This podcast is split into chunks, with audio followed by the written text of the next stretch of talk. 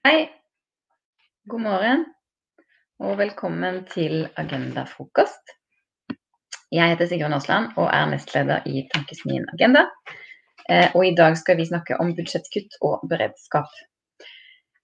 Fra den første pasienten avla positiv prøve med mutert koronavirus, eh, og til de prøvene var analysert og tiltak kunne iverksettes i Nordre Follo og omkringliggende kommuner, tok det to uker. I Danmark utføres samme analyse på tre til fem dager.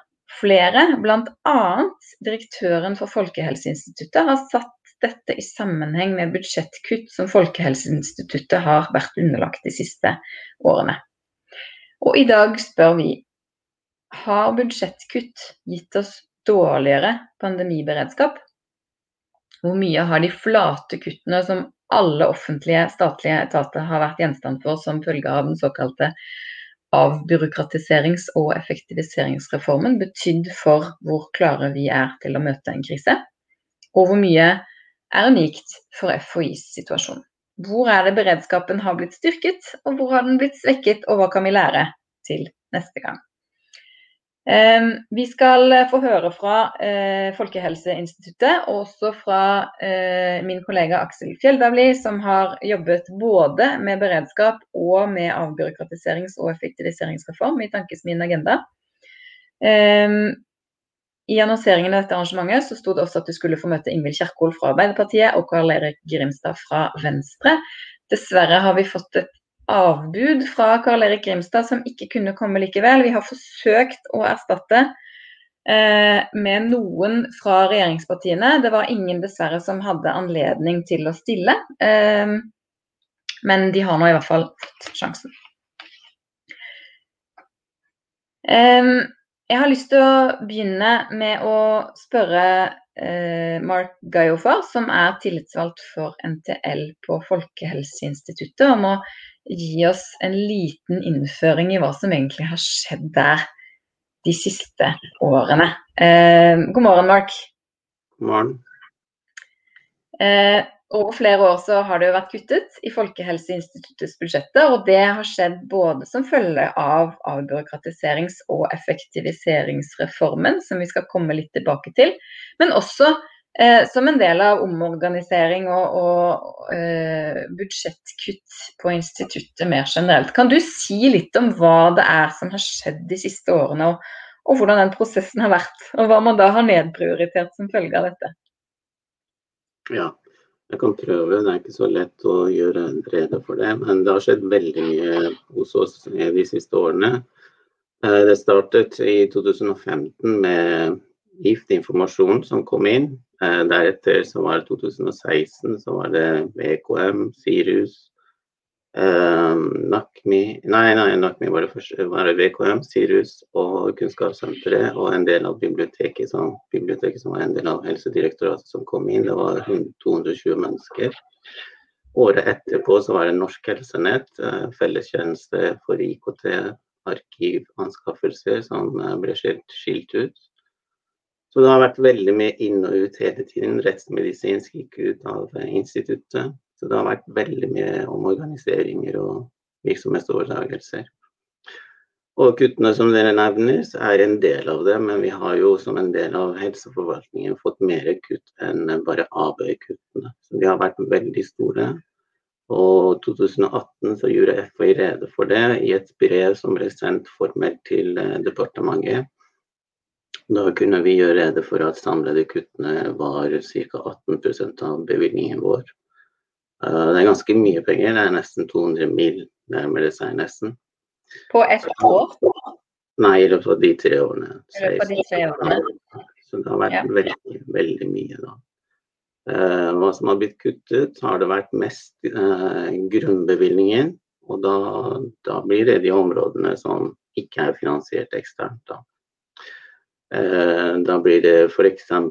rus, eh, tobakk, alkohol. Eh, smittevern er en del av det. Så miljø og helse, de, de tingene som er veldig sånn grunnbevilgning finansiert, som har blitt mer skadetidende. Men det har vært hele tiden fokus på å ha beredskapen i orden. Det er ikke det at man ikke har hatt det, for det er jo liksom prio én har det vært alltid fra FHI-ledelsens side også, men det har jo blitt skadelidende likevel. I hvert fall det er som jeg mener. Mm. Det er der man sitter, som er grunnmuren. Det var en sånn kort redegjørelse for hvor mye kutt vi har fått. Det er ganske mye store kutt. Mm. Um, Aksel eh, Fjelldavli, du er rådgiver i Tankesmien Agenda. Uh, og har eh, siste året jobbet mye med beredskap. Men du har også uh, jobbet med en analyse vi har gjort tidligere av det som vi kaller for avbyråkratiserings- og effektiviseringsreformen, ABE. Um, og det er jo en eh, måte å spare penger på i offentlig sektor som kom sterkt anbefalt fra utlandet for noen år siden, og som det var ganske bred politisk enighet om også. Kan ikke du si litt om hva akkurat den typen kutt går ut på, uh, og hva vi vet om den måten å effektivisere på? Mm. Eh, ABE-reformen, eller avbyråkratiserings- og effektiviseringsreformen, kan jo forstås ganske enkelt som at alle statlige virksomheter får et årlig kutt. Uh, og det kuttet har variert mellom 0,5 og 0,8% av budsjettet. Så det er liksom reformen i sin, i sin helhet. Uh, og historikken her er jo at det kom anbefalt fra OECD i sin tid, eh, og fikk eh, bred oppslutning i, i, i, Stortinget om at det var en uh, god idé å gjøre. Argumentasjonen den gang var jo at offentlig sektor At det skjer mye innovasjon i offentlig sektor, digitaliseringsprosesser, man gjør ting på smartere måter. Og at det fantes en såkalt effektiviseringsgevinst som kunne hentes ut av, av virksomhetene og brukes på noe annet. Uh, og så har jo argumentasjonen vridd seg noe uh, over tid uh, til å, å, bli mer i retning av at man kan kutte for å få folk til å løpe raskere. og det er jo fra, fra, mitt ståsted svakt empirisk grunnlag for å, for å påstå. og, og det vi vet om disse, eh, disse, kuttene, det som kom fram i de arbeidene vi har gjort tidligere, er jo for det første at uh, kuttene ofte kommer i tillegg til andre kutt. Uh, og det, det, gjør jo at det ikke er en effektivisering altså Den effektiviseringsgevinsten som tas ut, kan, er det flere eksempler på at den har blitt tatt ut to ganger. Uh, FHI er også et eksempel på en virksomhet som både har hatt eh, andre kutt som har vært store, og fått eh, ABE-reformen i tillegg. Eh, og så vet vi jo også at de kan forsinke en del omstillinger. mye av den effektiviseringa som skjer i offentlig sektor, skjer jo i form av digitaliseringsprosesser f.eks. Som har investeringskostnader som kommer up front og som er vanskelig å gjøre eh, gradvis over tid. Så kuttene kommer gradvis over tid, mens eh, effektiviseringa skjer gjennom eh, hopp eh, når det er snakk om eh, digitaliseringsprosesser. Så eh, tvert imot så kan reformen føre til at effektivisering går saktere. og det har vi også sett eksempler på. Hvis man ser i årsrapportene til FHI, så skriver du også at det har vært vanskelig å ta såkalte pukkelkostnader pga. Eh, den økonomiske situasjonen. Eh, kostnader må du nesten forklare. Ja, ja, det er altså kostnader som, som, er store i en kort periode, for at man så eh, kan, kan, spare penger. Mm. Eh, og så er det jo en kjensgjerning at uh, kutt ofte er kutt i tjenester, kutt i tilbud, kutt i ting som faktisk gjøres. og ABE-reformen har vært gjennomført som en sånn one size fits all, eh, der eh, samme kutt innføres overalt, uavhengig av hvilken effektivisering som skjer. Så det er vel reformen i, i korte trekk, da. Mm. Eh, Mark, på spørsmål tidligere denne uken eh, om hvorfor det tok så lang tid å få analysert disse spesifikke testene fra Nordre Follo, så Eh, svarte din sjef Camilla Stoltenberg at det kan jeg ikke svare på, men vi har hatt betydelige kutt i FHI i perioden 2015 til 2019. Eh, som jeg forstår også som at man må selvfølgelig se analysekapasiteten i sammenheng med hvilke ressurser man har hatt til rådighet. Hva, går det an å si noe om hva som ville vært annerledes hvis eh, de budsjettkuttene ikke hadde vært så betydelige som det du eh, fortalte om i stad, på altså nesten 20 over tre år? Ja, det, det, er en historie bak dette her. Dette startet for noen år tilbake, egentlig før disse kuttene kom. Så hadde vi en lab-prosjekt som, som, gikk ut på å effektivisere lab-virksomheten ved FHI. Men så var det dette, dette er i hvert fall min hukommelse, sånn som jeg husker det. Ehm, så var det, var det sånn at vi ikke hadde, hadde ikke tenkt å gjøre det på det tidspunktet hvor vi gjorde det. Men så var det disse kuttene og omstillingene som ble tredd over hodet på oss, som gjorde at vi fremskyndte prosessen.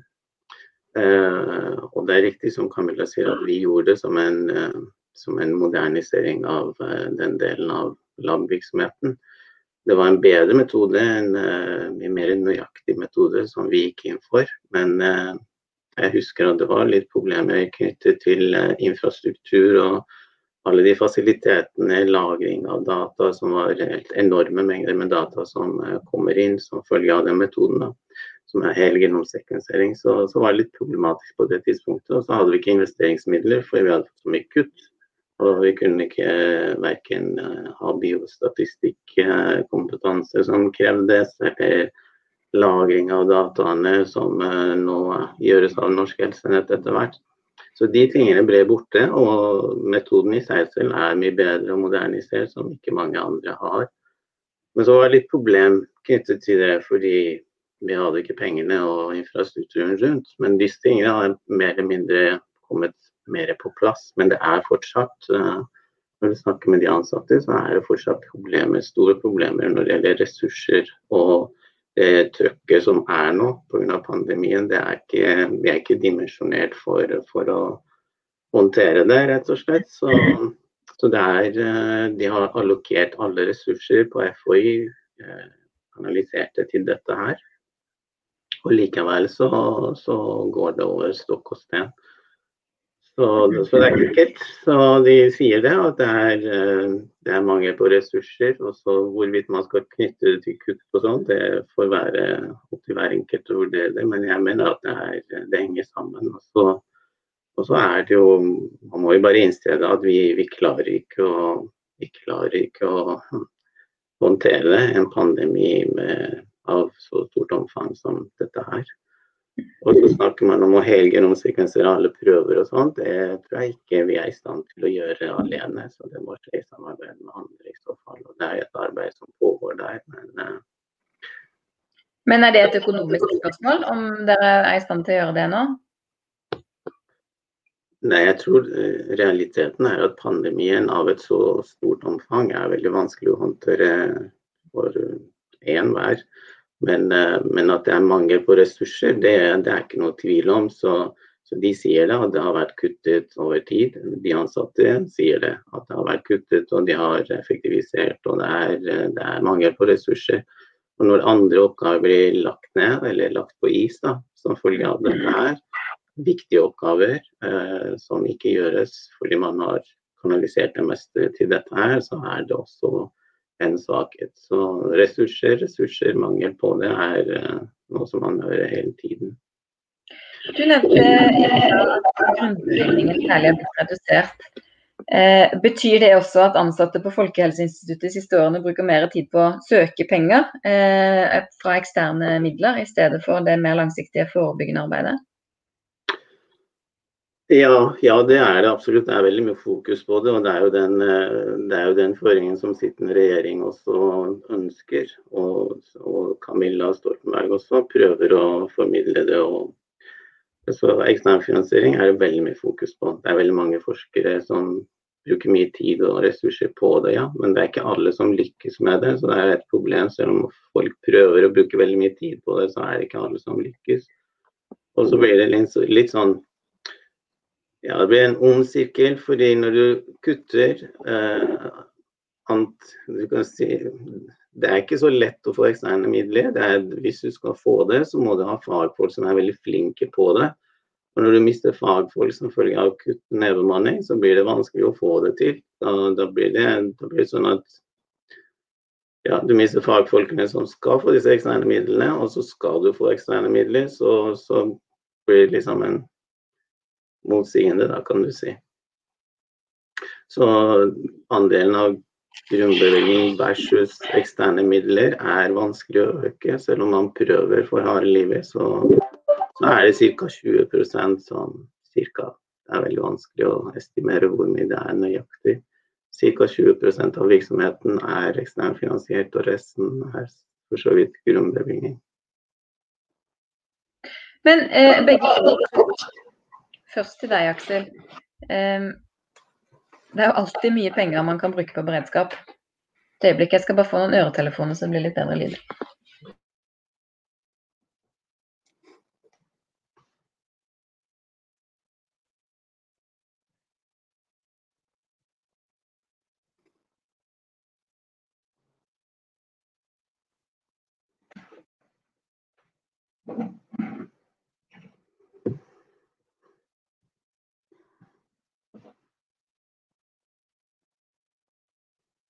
Er det bedre nå?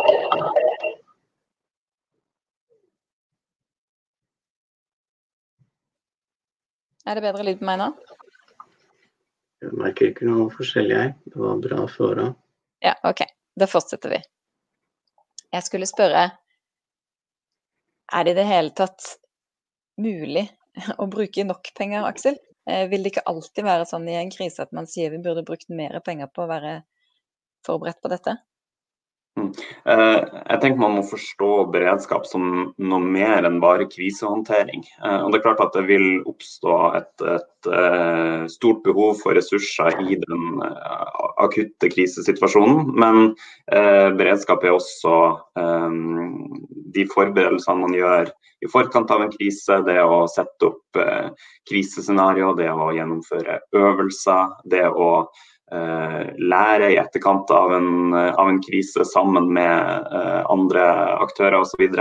Bare så det er sagt først. Men når det gjelder spørsmålet om hvor mye ressurser, om det aldri er sånn at det kan brukes, kan brukes nok, så vil jeg si generelt som det, om det at min overordna bekymring er at det brukes litt for lite ressurser på beredskap, eh, gitt de utfordringene vi har. Ikke bare knytta til altså nå, nå, snakker jeg mer generelt enn bare pandemi, men også knytta til eh, klimaendringer, knytta til den geopolitiske situasjonen, knytta til eh, digital sårbarhet osv. Eh, og, og dette er jo en tematikk som er litt vanskeligere for politikerne å prioritere enn eh, altså prioritere ressurser til enn eh, spørsmål som får mer synlige resultater direkte med en gang.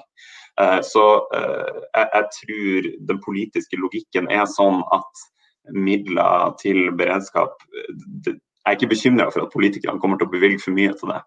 Eh, jeg er mer bekymra for at det bevilges for lite. Mark, hva ville vært nok i Folkehelseinstituttet det siste året? Det er riktig som du sier. Eh, når journalister ringer, så stiller de spørsmål. De sier krigstid og fredstid, og jeg skjønner uh, forskjellen. Men, uh, men, jeg tror, som Aksel også var inne på, så er det viktig, viktig at man skal se for seg at sånne kriser sånn som dette her kan faktisk dukke opp. Og det som er problemet med Norge, mener jeg da, at vi ikke var parate nok til å, til å, håndtere det. Og det ser man på, på hele helsevesenet som har blitt effektivisert. Og det er ikke bare oss, men også ser du det på intensivplasser, intensivsykepleiere som man ikke kan bare produsere på en, to, tre. Så, så, det er ikke alltid lett å bygge opp noe som man over tid har bygget ned. Det ser jeg også på FHI når vi skjærer ned og effektiviserer og antall ansatte går ned og skal liksom gjøre ting eh, mye mer effektivt, så, så går, det, går, det, litt utover det effektivitet og evnen til å omstille seg. Og det er jo det som vi ser, da, selv om vi prøver på for harde livet. De ansatte stiller uh, dedikerte og stiller uh, så godt de kan, men så ser man det på overtidsoversiktene. De er ganske, ganske stygge tall. Det har gått et år, og vi prøver, vi planlegger bedre, gjør ting på andre måter prøver å eh, rekruttere folk, men det er jo ikke enkelt. Alt det her tar jo tid. Selv om vi har fått midler som er midlertidige, store beløp. da. Men så klarer vi jo ikke å gjøre det likevel. Så, så ser vi da at uh, Arbeidstilsynet har kommet på banen, og vi, vi, har, uh, vi har, banket på døren. Skal se på overtidsbruken vår, som vi har brutt lover både her og der. Så alle de, alle de, tingene er jo tegn på at det funker jo ikke sånn som det var ment og sånn som det burde vært. Mm. Aksel eh, var ikke bekymret for at politikerne skulle bruke for mye penger, og da tenkte jeg det var en fin overgang til eh, politikeren i panelet. Eh, velkommen til deg, Ingvild Kjerkol. Du sitter i helse- og omsorgskomiteen på Stortinget for Arbeiderpartiet, og vi begynte med å sammenligne litt kapasiteten i Norge og Danmark. Og i Danmark så analyserer de altså 3000 virus om dagen. I Norge har vi analysert i overkant av 300 siden jul. Hvor misfornøyd bør vi være med det, og hva burde vært gjort annerledes?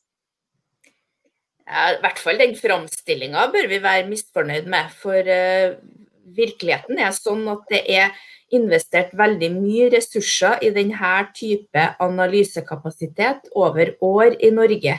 Gjennom forskningsrådene og universitetene. Den kapasiteten ligger ikke hos FHI i det omfanget vi nå trenger den. Så der syns jeg FHI um, burde ta til seg noe kritikk for at det har gått uh, tre uker før en mutanttest ble analysert i Nordre Follo. Uh, og jeg vet at så sent som i forrige helg så oppretta man kontakt med det som heter Norsk sekvenseringssenter, som er et nettverkssamarbeid mellom universitetene. Eh, jeg reagerer også på fremstillinga til Bent Høie. Jeg tror det kom til en litt tilspissa situasjon på en av pressekonferansene etter at eh, eh panikknappen var utløst i Nordre Follo, eh, hvor Camilla Stoltenberg eh, peker på kutt i budsjettene, og Bent Høie peker på Danmark og industrisamarbeid. En forsvarsrefleks fra begge to, sånn som jeg analyserer det. Eh, fordi at mye av den kapasiteten som er bygd opp eh, på universitetene i Norge, har også skjedd i samarbeid med industrielle aktører. Så her tror jeg det handler om at um, beredskap også er et økosystem hvor det handler om at de ulike ressursene finner Det må man trene på, øve på, simulere og planlegge for. Eh, men jeg har full forståelse for at eh, den eh, situasjonen ved FHI med veldig begrensa rammer og veldig mange nye oppgaver, og kanskje det viktigste, FHI, for du ser ikke alt gjennom budsjettene og budsjettkuttene. Men FHI har jo vært pålagt en såkalt konsernmodell for helseforvaltningen, og dermed fått Eh, store økte kostnader på helt ordinære driftsutgifter, på IKT og andre funksjoner.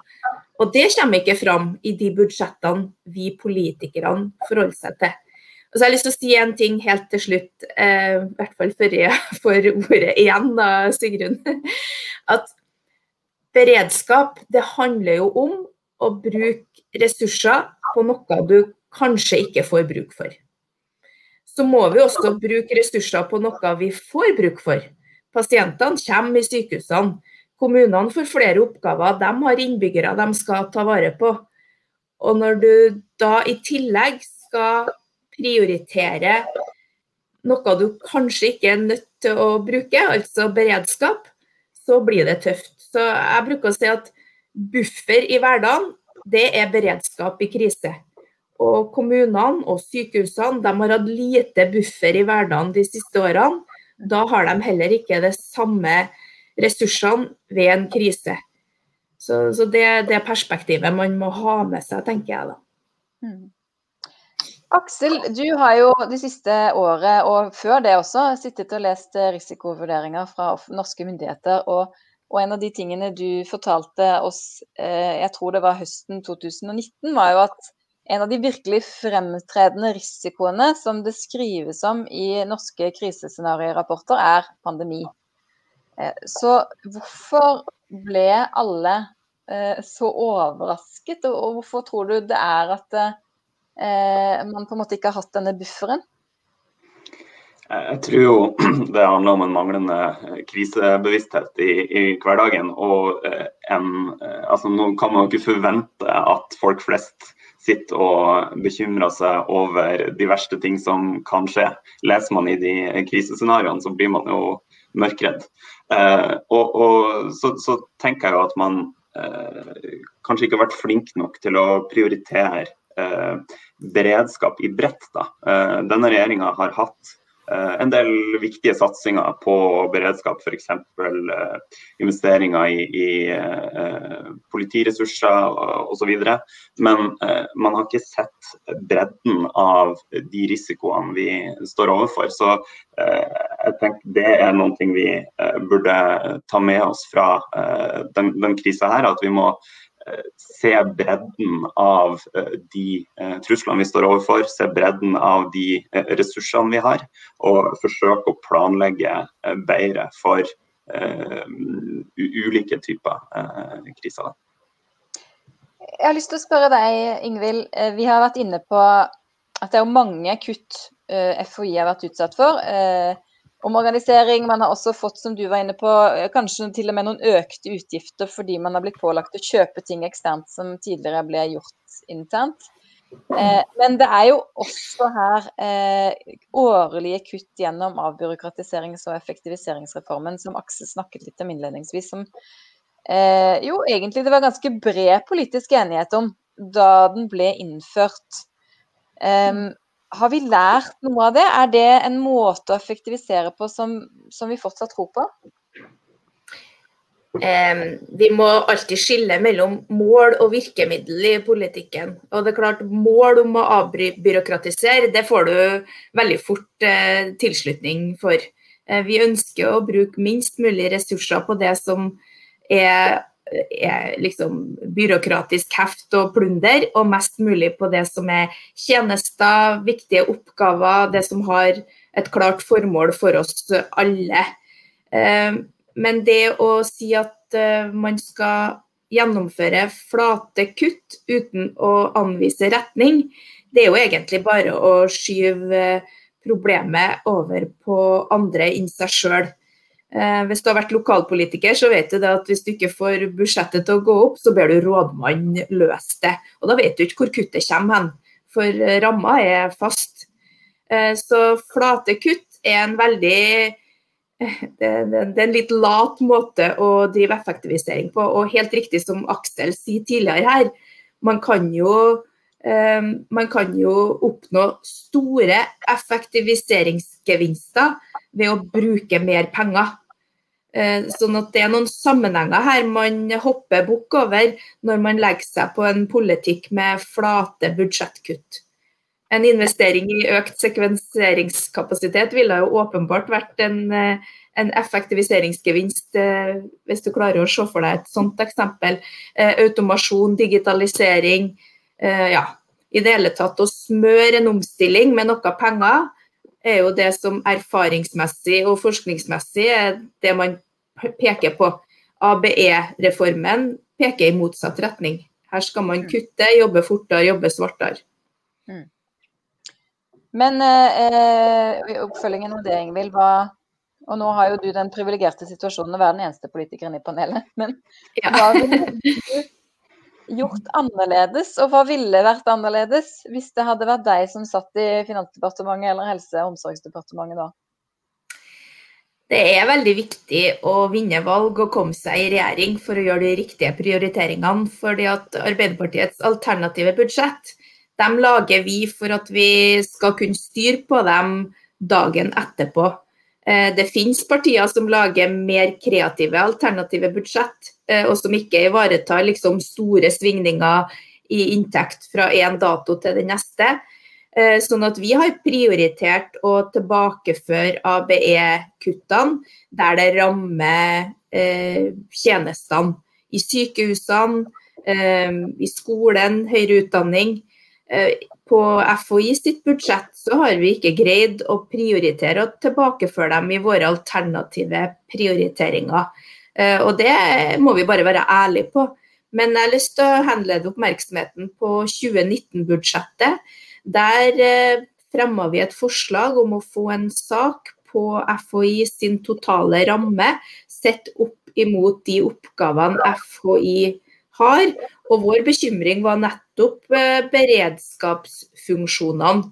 Det var jo i 2019 denne berømte DSB-rapporten kom som anslo de mest sannsynlige beredskapsscenarioene som eh, legemiddelmangel, og det har jo vært en økende utfordring, og pandemi. Begge to helsekriser med store utslag for resten av samfunnet, og det ser vi jo i dag. Mm. Eh, jeg får spørre deg også, da. Eh, eh, Ingvild, som jeg spurte de to andre om i stad. Så man kan jo på en måte antagelig aldri bruke nok penger eh, på beredskap. Eh, og som du også sa, sånn at alle vil være enig i at effektivitet og avbyråkratisering eh, er vanskelig å være mot. men hva er det man kan gjøre da på en smart måte for å sørge for at vi har en effektiv offentlig sektor, men, men samtidig da er klar for uforutsette kriser? Det å holde trykket opp på automasjon og digitalisering vil jo være god effektiviseringsstrategi uansett hvor du er hen i velferdsstaten. Om du er en, hos en sånn fagmyndighet som FHI, eller om du er ute og forholder deg til sluttbrukere. Eh, og så må man gjøre noen prioriteringer alltid. Det slipper ikke politikken unna. Eh, og det er kanskje erkjennelsen til alle dem som ga tilslutning til eh, ABE-reformen fra start, om at du kommer ikke unna prioritering. Heller ikke når du skal effektivisere. ja. Mm. Um, Mark, jo, det er jo lett å være etterpåklok, vil mange si, men også kanskje en, en spådd krise. At vi skulle kunne møte en pandemi. Hvis vi skal se framover nå med alt det du har fortalt om om overtidssituasjonen, men også nedprioriterte oppgaver og, og manglende ressurser, hva, hva, håper du på at skal skje? Hva kunne vært Eh, hva kunne hjulpet oss å få et eh, mer effektivt folkehelseinstitutt i tiden framover? Mm, ja. Du, jeg, må, jeg, kan svare deg på det, men eh, jeg må bare si at til det Ingvild tok opp med helgenomsekvensering og testkapasitet, da er det, er det, faktisk slik at vi trengte ikke å helgenomsekvensere alle prøver før bare nylig pga. mutasjoner. Før det så var det ikke var, var det behovet ikke eksisterende på samme måte som nå, bare man er klar over det. Um, ja. Jeg tenker at, Og så var det AB og uh, de prioriteringene der. Jeg tenker at AB i seg selv er jo litt sånn, det er noe dobbeltmoralsk over det. fordi det er, det er, jo store beløp som man sparer ved å si at man kutter flatt uh, 10 milliarder har man kom, kommet opp i. Så, så, det blir litt sånn Dobbeltmoralen i det er at de andre partiene som egentlig er mot det, går jo med på det, fordi de får jo penger til sine kjernesaker. Så det er, det, er, eh, det er, litt det også dere, dere, andre som egentlig ikke vil ha det, går med på det. Fordi det er jo penger inn som dere kan bruke på, på deres saker. Så det er også noe å tenke på. Men eh, framover, nei, jeg tenker, jeg tenker, og tror faktisk at det som Pandemien har jo ikke, ikke hadde vært bra, men det har jo medført at vi, FO i hvert fall, har, som har blitt kuttet veldig mye de siste årene, har kommet mer, mer får mer oppmerksomhet, og folk legger merke til det og viktigheten av det. Det tror jeg både folk og politikerne ser. Før husker jeg det var mye sånne diskusjoner, også mannen på gata hadde en oppfatning av at staten skal slankes, staten skal effektiviseres, og det er pengesluk og sånn. Og så så ikke for seg viktigheten av eh, staten og hva f.eks. vi i helseforvaltningen gjør. da. Nå er det FHI og HD for alle pengene. Det tenker jeg er, eh, er positivt. Men hvor, om dette blir glemt om noen år, det er jo den bekymringen jeg personlig har da, som hovedtillitsvalgt. Så tenker jeg at det kommer mer penger, mye penger, det er bra.